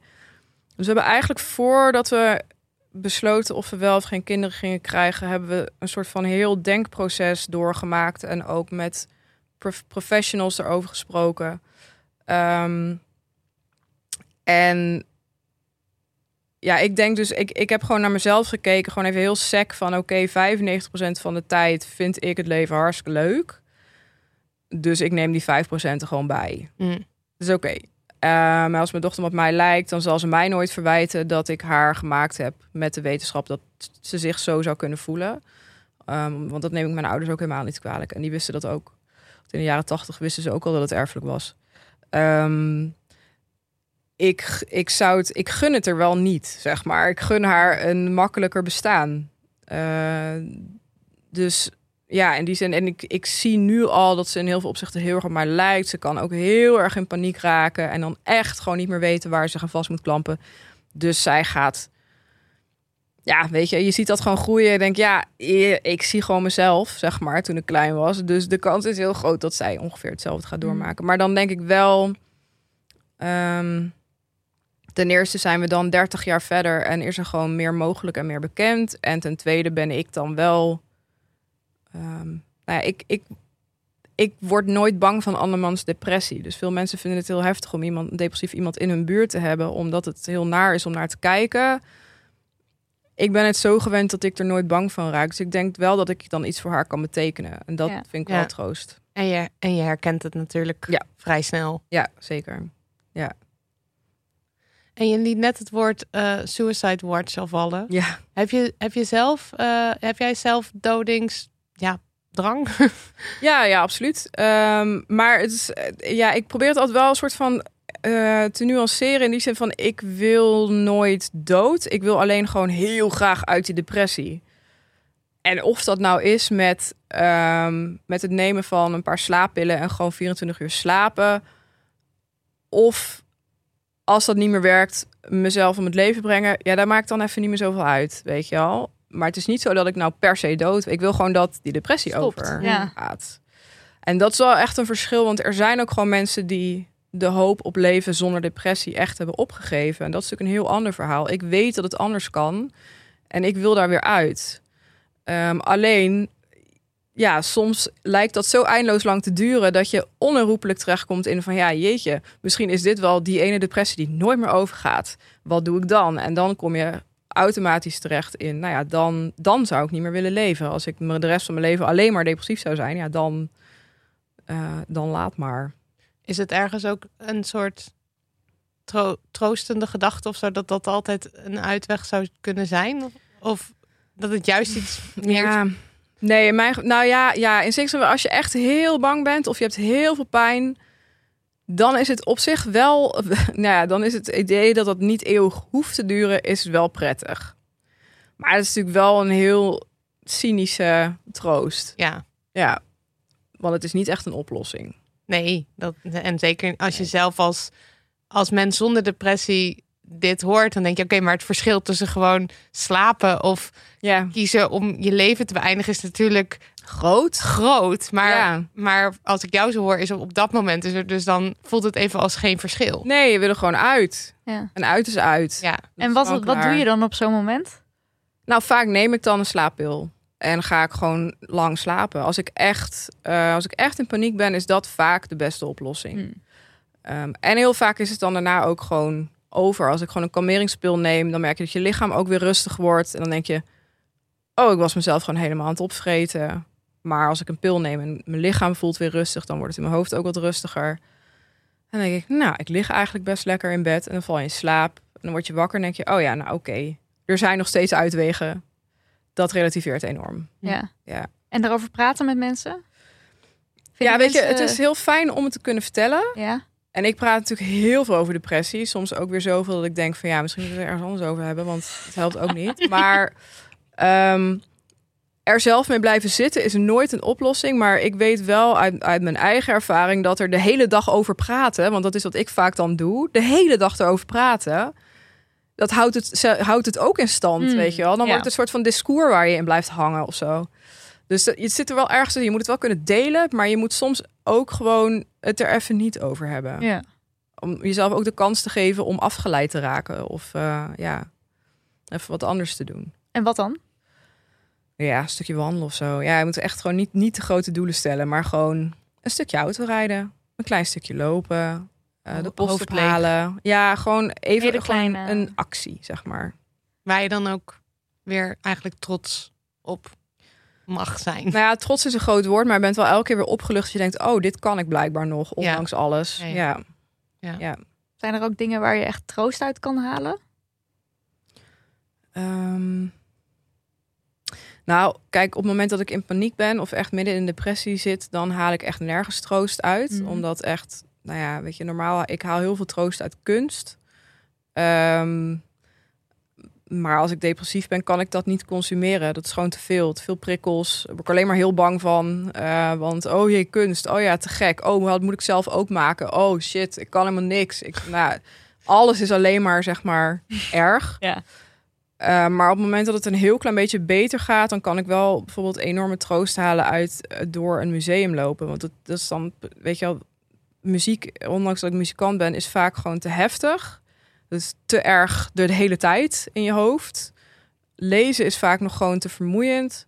Dus ik, wat ik vaak doe, is gewoon naar een museum gaan en dan vijf schilderijen bekijken of zo. Uh, meestal is het stil in een museum en de rest van het museum is vaak vrij prikkelarm. Ja. En dan kies ik gewoon vijf werken uit en dan ga ik er gewoon zitten. En dan denk ik, oh ja, er zijn mooie dingen in de wereld. En dat is dan wel even troostrijk. Ja. ja. En heel concreet. En heel concreet, ja. Absoluut. Um, iemand vroeg op Instagram, hoe weet je wanneer je in een depressie zit en wanneer niet meer? Dat is de grote vraag. Ja. Als ik dat zou weten. ja, dat is altijd zo. Dus je hebt echt zo, in een depressie heb je zo'n fase dat je gewoon uh, heel depressief bent. En op het moment dat je dan een klein beetje weer eruit bent, word je weer heel bang, omdat je er ook weer terug in zou kunnen gaan. Dus al, al, elk stapje dat je dan wint, heb je zoiets van, kut, kan ik ook weer kwijtraken. Uh, dus dan ben je de hele alleen maar, maar is, is, het nu dan echt over? Of ga ik straks weer terug? Of uh, en, ja, het is echt een soort van alsof je aan het koordansen bent de hele tijd. Um, voor mij is het zeg maar het, het uh, als ik in een depressie raak, dat gaat bij mij niet met stapjes. Ik ben meteen gewoon helemaal oh. depressief. Dus daar hoef ik me nooit zo druk om te maken over die vraag. Dat weet ik gewoon. Maar als je er weer uitkomt, daar is bij mij wel altijd heel veel onzekerheid. Ja, je schrijft ook op in je, in je boek dat je soms een, een beetje meer, nou, wat is het, energieke manische periodes ja. hebt binnen je depressie, waarin je dan opeens alle, je leven helemaal probeert ja, te ja, pakken. zeker. Ja. Ik kan me voorstellen dat dat momenten zijn waarop je denkt, misschien is het wel over. Ja, of herken je dat als... Ja. Uh, nee, mijn omgeving herkent het altijd als van... oh ja, je hebt, het, je hebt weer even twee goede dagen. Nee. je bent weer vijf boeken tegelijk aan het schrijven, weet je wel. Uh, ga eens naar bed. Maar um, ja, nee, zelf zit ik dan vaak wel zo van... oké, okay, oké, okay, misschien, is, misschien is dit het. Misschien ben ik nu uit, weet je wel. Toch wel, uh, ja. die gedachte. Dus die, die zeg maar, ja, het is alsof je zeg maar heel erg op en neer gaat... en dan langzaam wordt het weer iets... Wordt, worden, het, worden de golven minder groot. Oh ja, ja. Uh, ja, dat, en dan vaak nog weet je, een half jaar na een depressie kan ik weer toch nog een dag hebben dat ik gewoon me heel slecht voel. En dan denk oh shit, is het weer terug? En dan een pil nemen, slapen en denken, oh nee, dit was gewoon even één moment, weet je wel. Dus dat, het is, je krijgt gewoon af en toe terugvallen. Um, ja, en dan op een gegeven moment heb je weer een paar jaar dat het goed gaat. Maar dat, ja, dat is heel, uh, het is wel onvoorspelbaar wat dat betreft. Ja. Laten we naar hulp therapie, medicijnen en wat er ook allemaal is, uh, laten we het daar even over hebben. Want je zei net ja. dat je rond je zeventiende ben je die uh, ja. medische malle molen. Ja, vanaf mijn negentiende ben ik uh, slik ik medicijnen. Dus vanaf, ja, ik ben vanaf mijn tiende zeg maar ongeveer ben ik in, in therapie, ik heb allerlei therapievormen gehad. En vanaf mijn negentiende slik ik medicatie. En was dat was dat een moeilijke keus? Of dacht je meteen, geef die pillen? Uh, nee, dat was wel echt een moeilijke keuze. Want ik, ik, ja, ik had wel binnen mijn familie een paar voorbeelden waarvan ik echt dacht van jeetje, zo wil ik dus. Ik hoop dat ik niet zo eindig. En wat was het dan? Um, nou ja, ik, van mijn, mijn, uh, mijn oma die uh, leeft al haar hele leven met een bipolaire stoornis. Um, maar die is 88, 87.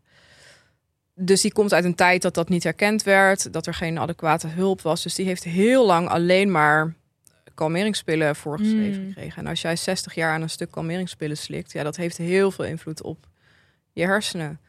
En ze Ehm, komt uit een tijd waarin je als vrouw natuurlijk geacht werd om Ook dat. vrouwen kinderen te krijgen Ja. en verder eigenlijk niks te doen. Ja, nou dat heeft ze allemaal wel gedaan. Ze heeft ook gestudeerd, eh, want ze wilde zich, ze was al heel ambitieus, wilde zich graag ontwikkelen. Ehm, maar dus ze heeft wel echt wel de kansen gekregen en ook aangegrepen, maar zij eh, heeft al heel erg geleden onder haar ziekte en, en nog steeds. Ehm, en ja, ik had toch altijd een beeld van, zeg maar, als je chronisch pillen slikt, dan had ik altijd een beetje dat beeld van haar. Zo van dan slik je dus pillen die je de hele een beetje, een beetje stoont en een beetje eh, Apathisch. zo. apathisch maken. Mm. Uh, maar dat hoeft natuurlijk helemaal niet. Dus dat. ehm, ja, maar dat was wel voor mij. En, en ook natuurlijk dat je dat dan echt de rest van je leven doet. Dat was ook meteen zo van: oh ja, als je daaraan begint. Bij mijn oma begon het ook op de negentiende. Nou, dan ben je dus gewoon de rest van je leven ben je gewoon eh hooked. En dat is ook zo. Maar ja, dat is op je negentiende wel een vrij grote eh, stap om die te Ja. zetten. Mm. Ja. En de bijwerkingen? Eh, ja, nou het grappige was dat ik daar in het begin eigenlijk heel weinig over wist. Ehm, maar er zijn natuurlijk wel dingen. eh, mijn vader slikt ook antidepressiva. Dus er zijn wel heel veel dingen die ik wel, zeg maar, ik lijk heel erg op hem, die ik wel meteen door had van hé, hey, wacht, dat heb ik ook. Dus het, ehm, het altijd warm hebben, altijd zweten, heel snel eh, last krijgen van, eh, nou ja, van, van zonnesteek, eh, van oververhitting, hyperventilatie. Dus ja, gewoon het hele idee van nou, een sportcarrière zit er meteen niet meer in. Dat weet ik meteen. Dat was gelukkig ook niet mijn ambitie. Maar, ehm, ja, maar op het podium ja. staan is toch ook best... eh, heel vervelend. Ja. Terug. zeker. Ja, nee, dat is echt een ding. Ja, ik sta soms in de zomer gewoon echt met, een, eh, met twee handdoeken om mijn hoofd te spelen. Ja. En dat is dan gewoon wat het is. Ja, En benoem je dat dan ook op het podium? Of dat ja zeker. Ja, ja, ja, absoluut. Toen nog niet hoor. Maar ik, ik, ja, ik merkte wel, ik ben, ben een paar jaar geleden, denk ik, een keer heb ik één post gemaakt over bijwerkingen. En ik kreeg toen zo ontzettend veel reacties van mensen die zeiden: Oh, ik slik al twintig jaar antidepressiva. Ik had hier nog nooit van gehoord. Dat ik echt zoiets van: Oh, ik moet hier volgens mij gewoon meer over praten. Want er Ja. zijn echt zoveel mensen die dat ook Ja. niet horen van een psychiater of, of erger nog van de huisarts. Ehm, terwijl bijwerkingen wel echt, echt een enorme invloed kunnen hebben op je, ja, op je levenskwaliteit. Zeker als je iets echt lang moet slikken.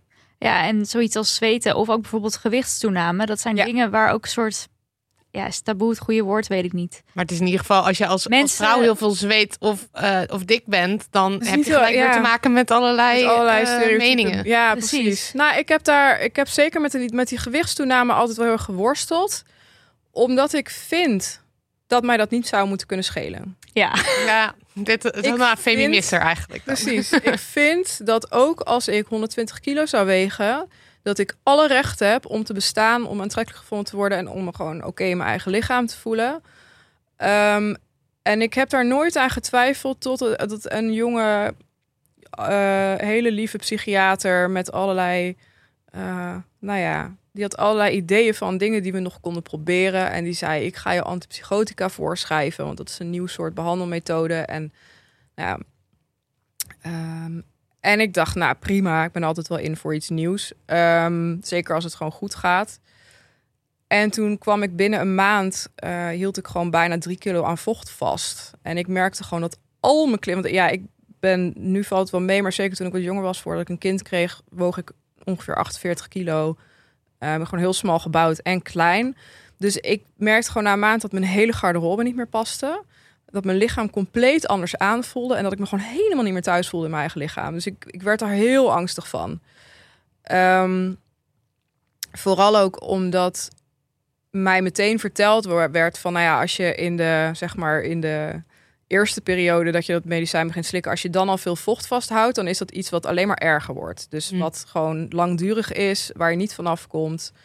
Ehm, en wat ook niet meer weggaat. Dus het is niet zo dat als je dan opeens de helft gaat eten of je gaat heel sport, dan nee, nee, dat nee, daar heeft helft helemaal- gewoon heeft niks mee te maken. Heeft Nee. niks mee te maken. Nee. Maar dat zijn natuurlijk ook al die voordelen die mensen dan hebben. En dan Ja, zou je toch wel niet weten. toch maar is het, eh, is het, zeg maar, is het mechanisme daarachter snappen, wordt wel begrepen of niet? Want ik, ik, Nee. ik begrijp gewoon niet hoe, hoe je uit, nou ja, bijna lucht, zeg maar, dan Ja. dus toch aankomt. Dus Ik, nee, ja, dat is een hele goede vraag. Ik weet er het fijne niet van, moet ik heel eerlijk zeggen. Maar ik, ik heb niet het idee dat daar echt daar, dat daar onderzoek naar gedaan wordt. wat ik ook weer bizar vind eigenlijk. Ja, maar goed, dan, Hormonen, don't get me started. Ja, maar ja. Dan nog. Nou, het is ja, precies. Het is ook bij mannen zo. Dus het is, want de, ja, er zijn heel veel vermoedens over de invloed van vrouwelijke hormonen op je gemoedstoestand, natuurlijk. Eh, maar daar wordt gewoon noodwaar weinig onderzoek naar gedaan, Ehm, omdat mannen er geen baat bij hebben, direct. Ehm, maar hetzelfde geldt volgens mij voor medicijngebruik. Dus ehm, vrouwen komen, als ik het me goed herinner, maar je mag me corrigeren als iemand als een luisteraar eh, het beter weet, want dat is alleen maar goed. Vrouwen komen wel sneller en vaker aan van medicatie, maar mannen hebben daar ook wel echt last van. Mm. Dus dat is wel een ja, het is gewoon een hele bekende bijwerking. Alleen het ding is, de meeste mensen beginnen met het nemen van medicatie op het moment dat ze heel depressief zijn. En dan wil je gewoon eruit. Dus op het moment dat je dan gewoon iets van rust in je hoofd hebt, dan kan ik me heel goed voorstellen dat je gewoon overal genoegen mee neemt. Dat heb ik zelf ook ervaren de eerste keer dat ik met de antidepressiva begon. Alleen ik begon nu met antipsychotica in een periode dat het met mij gewoon goed ging. En eigenlijk door die medicijnen en alle bijwerkingen ging het langzaam minder goed. Oh, juist Dus- andersom, ja. Ah, ja. ja. Eh, dus ja, ik had al heel snel zoiets van, nou, volgens mij is dit niet een medicijn voor mij. Ehm, maar ik heb, wel heel, ik heb het wel heel moeilijk gehad met die keuze, omdat ik wel tegelijkertijd vond van, ja, mijn gewicht zou er niet toe moeten, Moeten doen, maar ondertussen... Ja. Maar het, wa- het was dus een reden voor jou om te, om te stoppen, Ja. omdat dat aan de Ja. hand was. precies. Ja, ja. ja. Absoluut. Omdat ik het gewoon, ik vond het, ik vond het zo beangstigend. Ik heb nooit een eetstoornis gehad, maar ik had gewoon binnen een maand werd ik helemaal onzeker. Ik merkte dat ik gewoon niet meer wilde eten, niet meer durfde eten. Ik ging er heel erg op letten. Tegelijkertijd was ik constant met mezelf in gevecht van nee, je mag hier niks van aantrekken. Nee, weet je. En zo van, oh, dus zo is het voor mensen die zwaarder zijn dan ik. Dat vond ik ook nog heel heftig. Dat ik zat van, shit, ik maak dit nu een heel klein beetje mee. Hoe is dit voor mensen die dit gewoon altijd hebben? ik, ik kon, ja, ik was een soort van totale mindfuck gewoon. En het ging zo snel dat het, ja, ik had helemaal geen ruimte om er aan te wennen of over na te denken. Het was gewoon binnen een paar weken kwam ik gewoon heel veel aan. En ik moest gewoon daar een knoop over doorhakken. Ehm, maar dat is, geen, dat is dus een keuze waar ik niet trots op ben. Dat zeg ik wel eerlijk. Omdat ik Mhm. wel zoiets van, ja, eigenlijk zou het er niet toe moeten doen. Ja. En- wat, wat zei de... eh, Was het een psychiater? Dat is een psychiater, Ja, ja. wat zei, wat zei die? Was dat dan een legitieme reden? Absoluut. Ja, Nee, hij zei ook meteen van ja, nee, dit is een reden dat heel veel mensen er weer mee stoppen. Omdat je gewoon heel veel aankomt. En, en, en er zijn echt mensen die gewoon hun hele gewicht nog een keer aankomen. Alleen maar van die pillen. Ja. En dat is, ja, tuurlijk is dat legitiem. Want dat is ook, zeg maar, tot een bepaalde grens, maar fysiek ook echt gezond. Zeg Ja, maar. dat, maar ook gewoon in de wereld. En zo al die ideeën die je hebt over... Ja, en ook wat ik, zelf, wat ik zelf merkte, nog los van zeg maar ehm, wat de buitenwereld ervan zou vinden, ehm, vond ik het gewoon heel heftig. Dat vond ik ook toen ik zwanger werd, dat je lichaam heel snel verandert, dat je er geen controle over hebt. Dus dat je gewoon de hele tijd dus wakker wordt van, oké, hoe hoe, hoe hangt het er nu bij, weet je wel?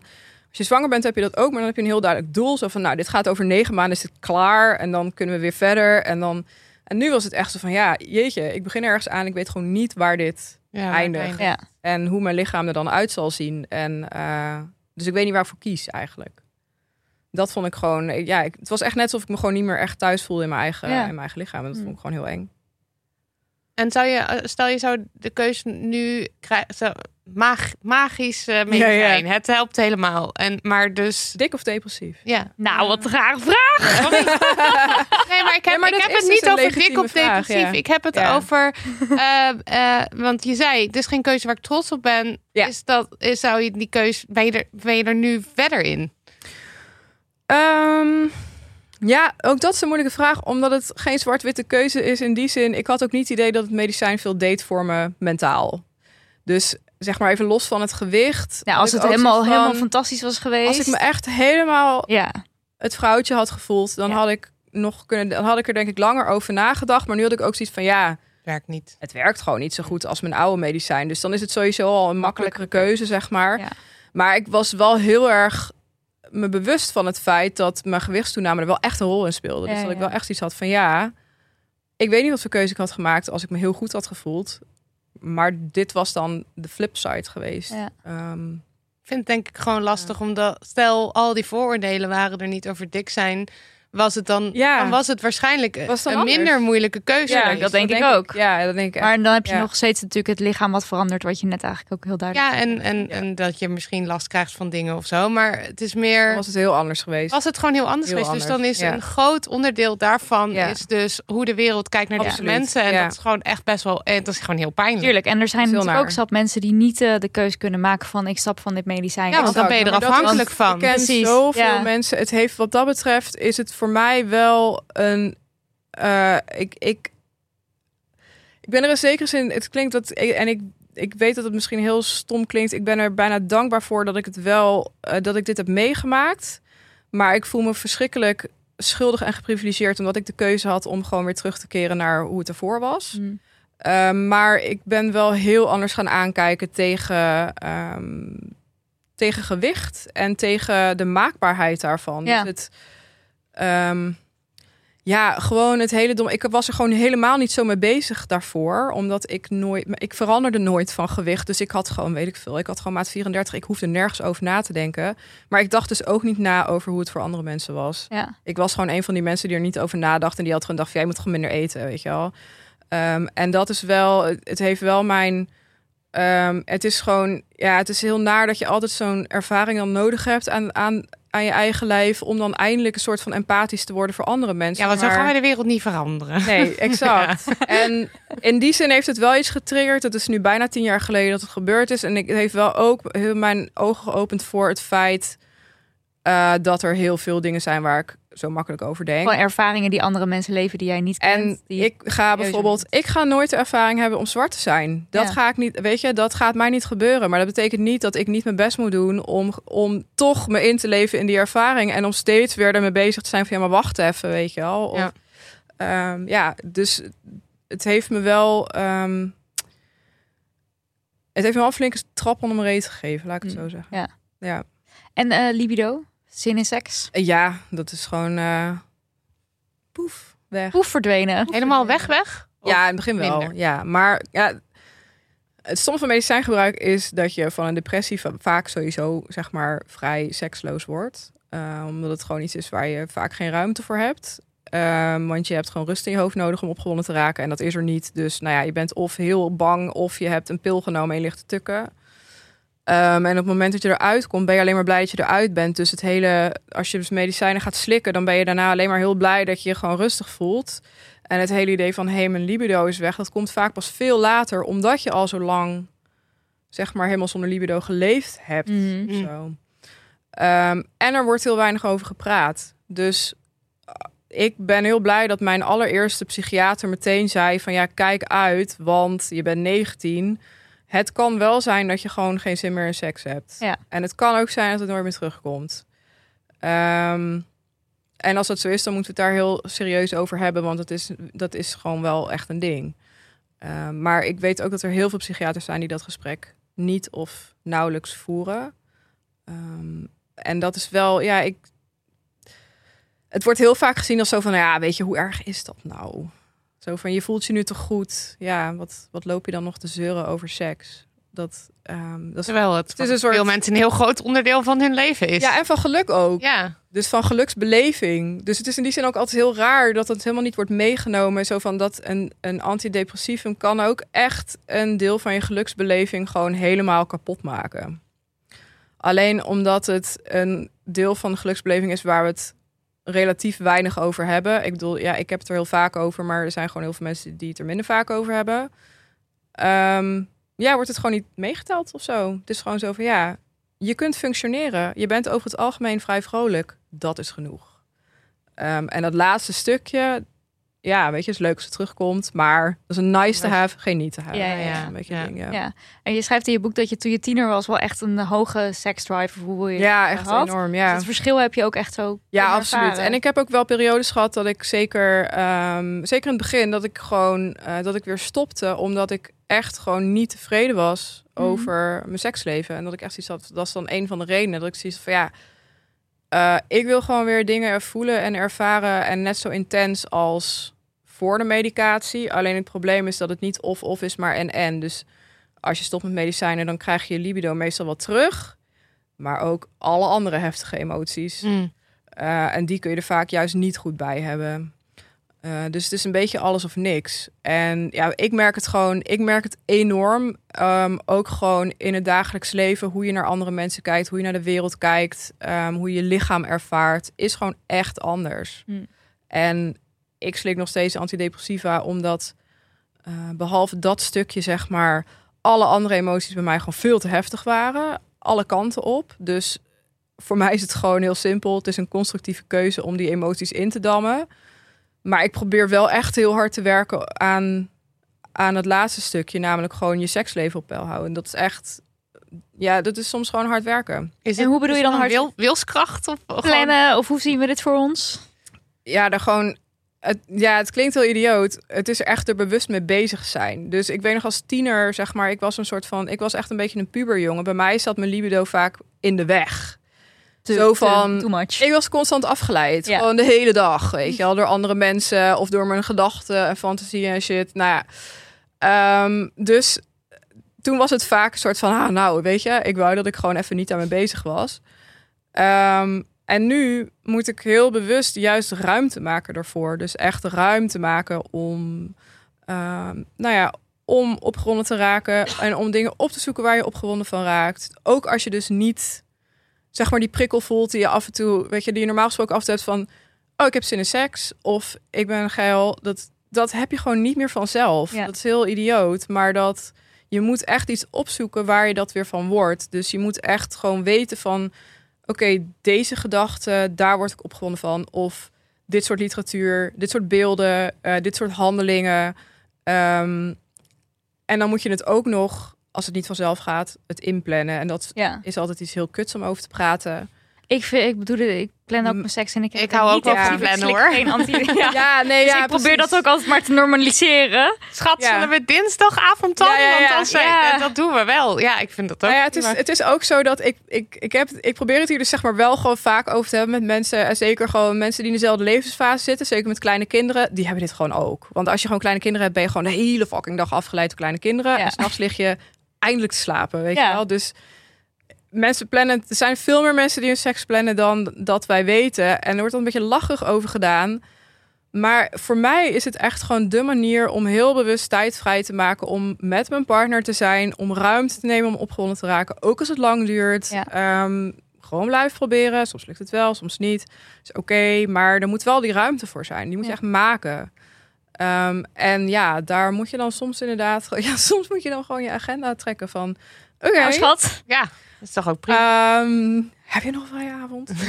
Dan gaan En, we ervoor. nou ja, goed, en als je allebei zeg maar veel thuis werkt, dan is dat iets minder moeilijk. Maar ja, Ja, dat scheelt dan weer. Ja, of, scheelt heel veel. ja, ja, of juist weer lastiger, omdat die, die, die, eh, dat verschil tussen werk en privé zo. Soms- Ja, maar dat is bij ons sowieso niet bestaand. Dus Nee. dat is oké. We, dat- we, we maken allebei dingen. We maken ook heel veel dingen samen. Dus wij zijn een soort van één, één soort van organisme. Wervelwind aan Ja. creativiteit door dat huis heen. En eh, zeg maar, zijn er, want eh, ook over seks en over een libido dat afneemt, moet je het eigenlijk hebben. Want Ja, ik kan me ook voorstellen dat een partner zich bijvoorbeeld een soort van afgewezen voelt, of dat je het gevoel Ja. dat je niet meer aantrekkelijk bent. Ja, ja, ja nee, absoluut. Ik denk dat dat echt wel heel... eh, Dat is denk ik echt wel een ding. Ik heb dat ook gewoon... Ja, ik praat over het algemeen vrij makkelijk over seks. En dat is denk ik ook wel... Ik, ja, ik heb, het, ik heb het van huis uit meegekregen. Er werd bij ons gewoon niet zo moeilijk over gedaan, zullen we maar zeggen. Sommige mensen vinden dat dan heel gênant. Ik vind dat eigenlijk heel prettig, zeg maar. Dat ik gewoon uit een gezin kom waar daar heel open over gesproken wordt. Ehm, want dat maakt het ook makkelijker om erover te praten met je partner, zeg maar. Dus dat... ehm, ik heb eigenlijk binnen relaties altijd wel de vrijheid gevoeld om aan te geven van... hé, hey, ik zit nu hier in mijn energie of daar.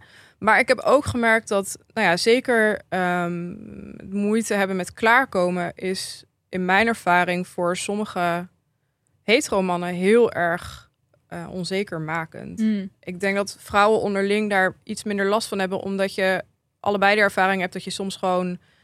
dat het een periode gewoon even net niet lukt. En dat het de seks niet minder waardevol maakt of zo. Maar ehm, ja, ik heb wel, zeker ook in vorige relaties... echt gesprekken moeten voeren. Zo van, ja, het is niet zo erg als ik een keer niet klaarkom. Dat betekent niet dat ik het niet Mm. fijn vind... of dat ik niet opgewonden ben.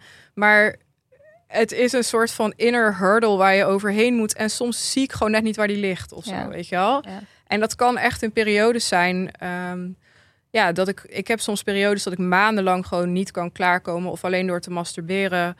Ehm, en inmiddels vind ik dat heel erg oké, maar ik weet wel dat zeker toen ik, nou ja, begin twintig was en net medicatie slikte, dat ik zelf soms ook heel bang ben geworden van straks kan ik nooit meer klaarkomen. Ja. Heb ik dat gevoel gewoon nooit meer. Ehm, en ja, dat gelukkig vond ik dat dan zo eng dat ik gewoon het net zo vaak ging proberen tot het weer lukte. Doorzettingsvermogen. En als dan één keer weer lukt, dan ben je dat ook helemaal kwijt. En dan gaat het daarna natuurlijk nog makkelijker. Weet Ja. je wel? Het is echt, ja. Het is gewoon heel idioot. Ja, We hebben het ook- allemaal in je hoofd ook zitten. We hebben ook Ja. van eh, eh, Ellen Laan eh, geleerd dat als je, als je het zeg maar een soort van als je klaarkomt, dan, dan leert je lichaam ook weer. Oh ja, dat vind ik Zo leuk. moet En dat je dan weer Ja, zin in hebt, zeg maar. Dat het Ja. dus wat makkelijker gaat. Absoluut. Ja, maar dat is ook echt. Ik, ja, het is heel stom. want Ik vergelijk seks heel vaak met hardlopen. En hardlopen heb ik echt een scheidhekel. Maar het is wel zo dat je vaak vooraf denkt van... Geen zin. Kan me niet meer herinneren altijd blij En dat je gegaan bent. Is echt super chill. Wanneer gaan we weer? Weet Ja. je wel? Ja. En dat gevoel moet je dan soort van weten vast te houden. En eh, reproduceren. Ja. Eh, ik denk niet dat we tijd hebben om in therapie verder te duiken. Maar in jouw boek staat daar heel veel over. Maar Ja. zelfzorg vind ik denk ik wel nog even goed om nog aan te stippen. Want Ja. dat helpt dus. Ja, Bepaalde dingen wel of niet doen. Ja, zeker. Ja, en het is. ehm, ik heb daar zelf heel veel moeite mee gehad, omdat ik altijd van ja, ik wil niet saai leven. Ehm, en met saai leven bedoelde ik dan eh, een slaapritme hebben, een eet, eetpatroon hebben. ehm, Gewoon lekker gedisciplineerd. eh, Een routine. niet te veel drugs routine, ja. gebruiken, weet je wel. Gewoon de normale dingen in het leven. Dat leek mij heel saai. Dus dat heeft bij mij heel lang geduurd voordat ik eh, daar, me daar toch aan heb overgegeven. En eigenlijk kwam dat pas toen ik eh, op professioneel niveau gewoon ja, su- succes begon te hebben. En ik dat gewoon veel interessanter vond dan een losbandig leven leiden. Eh, en toen merkte ik van, goh, als ik iedere nacht genoeg slaap en ik eet voldoende en ik kom een beetje buiten overdag, gaat het over het algemeen veel beter met mij. mm. Ehm, en het wordt natuurlijk vaak verward met eh, van die therapeuten die zeggen: als je depressief bent, moet je marathon gaan rennen. Weet je, nee, dat is niet de oplossing, of in ieder geval maar een deel van de oplossing, want het zit hem veel meer in bewust met jezelf bezig zijn en met, eh, met je behoeftes bezig zijn. Dus ehm, ik voelde vroeger niet aan mijn lichaam wanneer ik moe was of eh, wanneer ik moest eten. Of, dat had ik gewoon helemaal uitgeschakeld. En door daar meer mee bezig te zijn, kun je de paniek ook langer buiten de deur houden. Hmm. Dus in die zin ja, is zelfzorg wel, het is, heel, het is een heel moeilijk onderwerp, omdat als je depressief bent, is er geen ruimte voor zelfzorg. En je moet ook de ruimte nemen om even niet voor jezelf te kunnen zorgen. Tegelijkertijd is het wel een heel groot onderdeel van weer vertrouwen krijgen in dat je het ook zelf kan. En dat is wel belangrijk om weer uit een depressie te komen. Dus het is een heel dun lijntje waar je altijd op zit. En ik wil ook, als ik het over zelfzorg heb, zeg ik er altijd meteen bij. Zelfzorg heeft geen zin als je niet ook hulp inschakelt. Ehm, en als je niet gewoon ook een therapie of medicatie of iets doet. Ja. Dus alleen maar maskertjes opdoen s'avonds helpt niet. Iets leuks doen Ja, helpt ook niet. nee, niet, niet alleen. Niet als dat het enige ja. is, nee. Nee. En eh, is het saai? Nou ja, nu niet, omdat ik, ehm, nou ja, omdat ik mijn gezinsleven sowieso leuk vind, maar ook omdat ik gewoon, ja, in mijn werk alles kwijt kan. En dat maakt gewoon al het verschil. Ik kan daar de spanning in opzoeken en de grenzen. En eh, ja. Ik ehm, heb nog één vraag van een luisteraar. Yes. En eh, dat is deze. Hoe blijf je hoopvol? Ik heb zelf eh, een. Ik heb zelf een angststoornis en probeer nu samen met mijn psycholoog en psychiater de juiste antidep- antidepressiva te vinden. Ik ben al een jaar bezig en nog geen medicijn is aangeslagen. Ik heb wel bijwerkingen, zoals zweten en aankomen, maar het werkt helaas nog niet. Ik hoop dat er een medicijn is wat het allemaal iets lichter maakt. Maar nu, na een jaar en vier verschillende medicaties, vind ik het moeilijk om hoopvol te blijven. Ja, dat is ook heel moeilijk. Dat, ik denk dat het de allermoeilijkste fase is. De fase waarin je medicatie gaat uitproberen. Ik weet dat mijn eer- allereerste psychiater, toen ik negen was, kwam ik binnen en die zei gewoon heel erg van ja, psychiatrie is een beetje aanmodderen. We eigenlijk weten we nog heel weinig. We weten dat er bepaalde medicijnen zijn die bij bepaalde mensen werken, maar waarom ze werken en bij wie ze werken weten we niet. Dus hij zei van ja, je kan heel veel geluk hebben en bij het eerste middel meteen denken yes, het werkt. Het kan ook zijn dat het een traject van tien jaar wordt. Ja. En dat is natuurlijk niet leuk om te horen. Ehm, en de echte hoop komt pas op het moment dat het lampje in je hoofd weer aangaat. En dat je denkt van, oh, wacht even. Ja, dit, dit gaat hem worden. Dit is, dit is een fijn medicijn. Uh, maar die tegenslag als iets niet werkt en je moet er weer mee stoppen en je moet weer met iets nieuws beginnen. Ja, onderschat die niet. Ik denk ook dat dat de fase is waarin de meeste mensen um, echt het allerdiepst gaan. Mm. En um, omdat psychiatrische hulp nooit direct is. Het is nooit, oh hier heb je een pil, het is klaar, weet mm. je wel. Het is altijd, het is, het is het begin van genezing en niet de genezing zelf. Um, ja, ik, ik hoop heel erg dat deze persoon een psychiater heeft, waarmee ik denk dat zij is. Ik denk het ook. Okay, ja, waarmee ze een goede band heeft. Ehm, omdat voor mij mijn psychiater hier heel, heel veel in heeft betekend. Dus gewoon ook het uitspreken van de hopeloosheid. Ehm, mijn psychiater kon dan vaak zeggen: joh, weet je, ik heb zoveel honderden patiënten behandeld.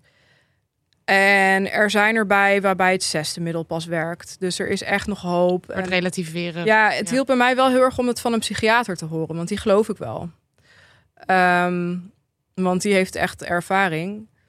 Ehm, en wat, mij, wat voor mij heel erg geholpen heeft, is eh, in sommige periodes toch ook echt met lotgenoten erover praten. Dus met mensen die het zelf hebben meegemaakt. Het is natuurlijk een enorm cliché, maar ehm, ja, ik merkte wel dat ik vaak dan zoiets had van, oh, het heeft geen zin meer. En dan had mijn omgeving zoiets van, ah, dat valt allemaal wel mee. En dat ik, ja, jullie hebben makkelijk praten, Ja. weet je wel. Ja, dus dan hielp het vaak wel als ik bijvoorbeeld met mijn oma sprak, die dan, eh, ja, die heeft al veel meer depressies doorgemaakt. En die kon dan wel tegen mij zeggen van, het komt altijd weer goed. En dan dacht ik, ja, als jij het zegt, Dan moet het wel. dan, het. Ja. ja. en dat helpt dan, dat hielp dan wel soms. En ja, overbrug met andere medicatie. Er is gewoon, weet je, er zijn kalmeringspillen, er zijn vast kalmeringspillen of slaappillen die wel werken voor je. In ieder geval op korte termijn. Bespreek het met je psychiater. Dat je ook gewoon, als je de hoop verliest, dat je in ieder geval even voor 24 uur gewoon wat hebt. Ja. Kan Ja. soms ook al heel erg helpen. Je eindigt je boek met een motivational speech.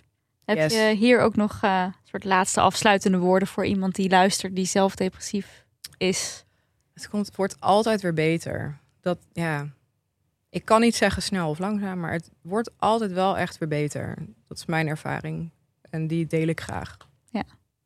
Mooi, dankjewel. Dankjewel. Gedaan. Dan heb ik nog één laatste noot.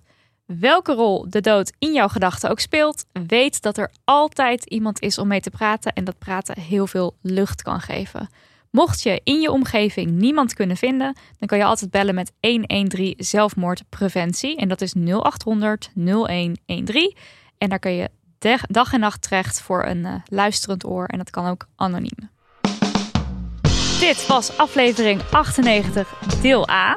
Nou, heel erg bedankt, Afke. Eh, je boek. Ga gewoon wat leuks doen. Ligt in de betere boekhandel. Eh, maar ook je andere, andere boeken. Concept M. Nou ben ik de titel van je tweede... 7B is een heel inspirerend. 7B, titel. ja. Ligt ook in de boekhandel. En je kunt ehm, eh, Godzilla luisteren op bijvoorbeeld Spotify. Ja. Ik zou het doen als ik eh Koop luisteraar was. en luister alles. Ja. Eh, bedankt voor de edit Daniel van de Poppen, voor de jingles Lucas de Gier en voor de website Liesbeth Smit. Mail ons op info@damhoney.nl. En eh wordt een bonusbal.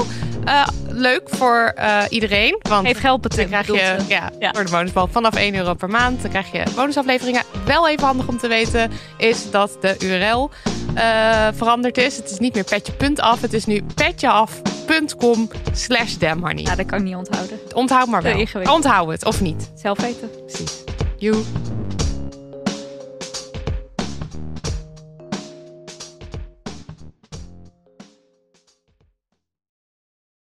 Kussens, bedden, matrassen, beddengoed. Emma Sleep heeft het allemaal. Ga naar emma-sleep.nl om van jouw slaapkamer een slaapparadijs te maken. Er is nu moederdag sale gaande met kortingen die oplopen tot wel 50%. Gebruik de code DAMHONEY voor nog eens 10% korting daarbovenop.